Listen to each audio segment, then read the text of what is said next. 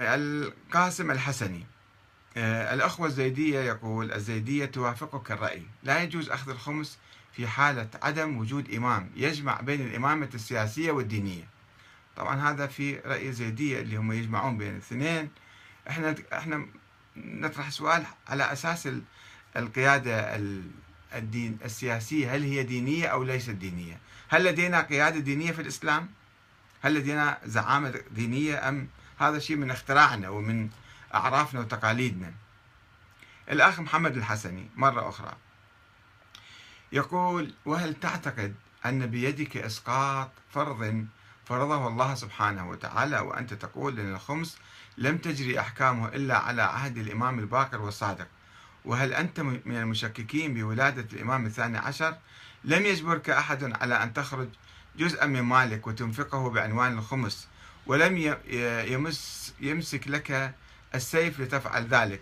والأمر موكول لأهل الإيمان ومراجع دينهم وتقليدهم. أما مراجع الدين قد استولوا على حقوق الخمس واستأثروا بها لأنفسهم.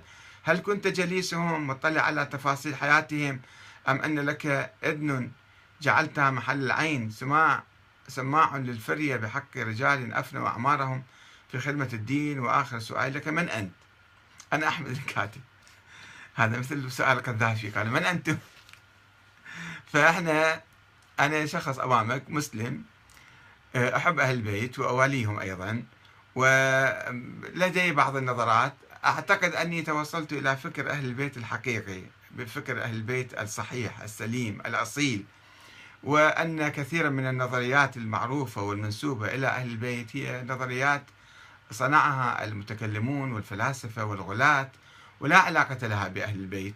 آه، إنما هذه تكونت مع التاريخ. آه، أفكار يعني آه، ليس لها أساس من الدين ولا من أهل البيت. أما أنه أنا أريد أسقط فرض فرضه الله لا أنا ما أريد أسقط فرض. أقول لك تحديد المسألة. يعني مثلا الخمس وارد في مغانم الحرب في غنائم الحرب. المكاسب الأخرى الغلات الأربعة والأنعام والنقدين. آه، هذا هو مورد الزكاة. طبعا في حتى في هذه الأمور هناك اجتهاد. يعني كما نعرف أنه الغلات الأربعة طيب الذرة ماذا نفعل بها؟ آه، مثلا الفواكه اللي منتجة بشكل تجاري ماذا نفعل بها؟ ال ال مثلا مثلا حيوانات في بلاد أخرى الخيل مثلا قد يكون في بلد معين هو في يعني آه، آه، يعني في إنتاج. آه، وكذا. يعني هناك اجتهادات حتى في مسألة الغلات أو الأنعام أو النقدين. كم النسبة؟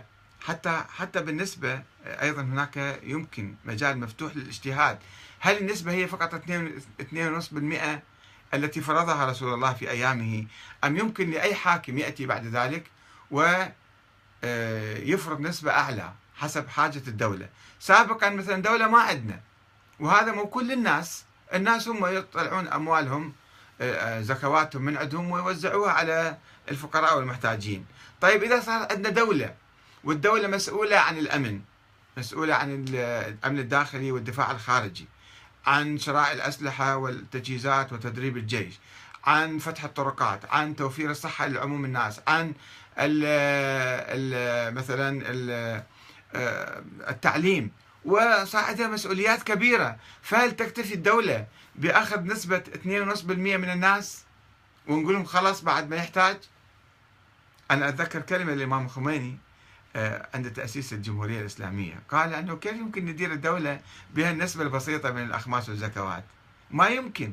لازم الدولة إذن مع هالمسؤوليات الضخمة اللي الشعب آه، ملقي بالمسؤولية على عاتقها وينتظر من عندها ويريد في حالة هذه الدولة.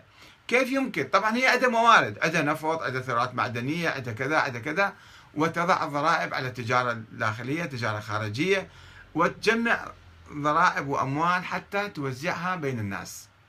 فإذا آه، يعني حسب اجتهاد الحديث أيضا أنه من حق الحاكم من حق أي دولة أن ترفع النسبة. يعني هذه النسبة كانت في آه، بلاد صحراوية آه، ما فيها دولة أساسا. والدولة لا تقوم بأي عمل إلا مساعدة بعض الفقراء مساعدة بعض الناس محتاجين. الإمام يقوم يعني النبي كان يقوم بذلك. ولكن هالأعمال الكبيرة موجودة في الزكاة وفي سبيل الله مثلا أو كذا اللي هي إطار عام لكل شيء؟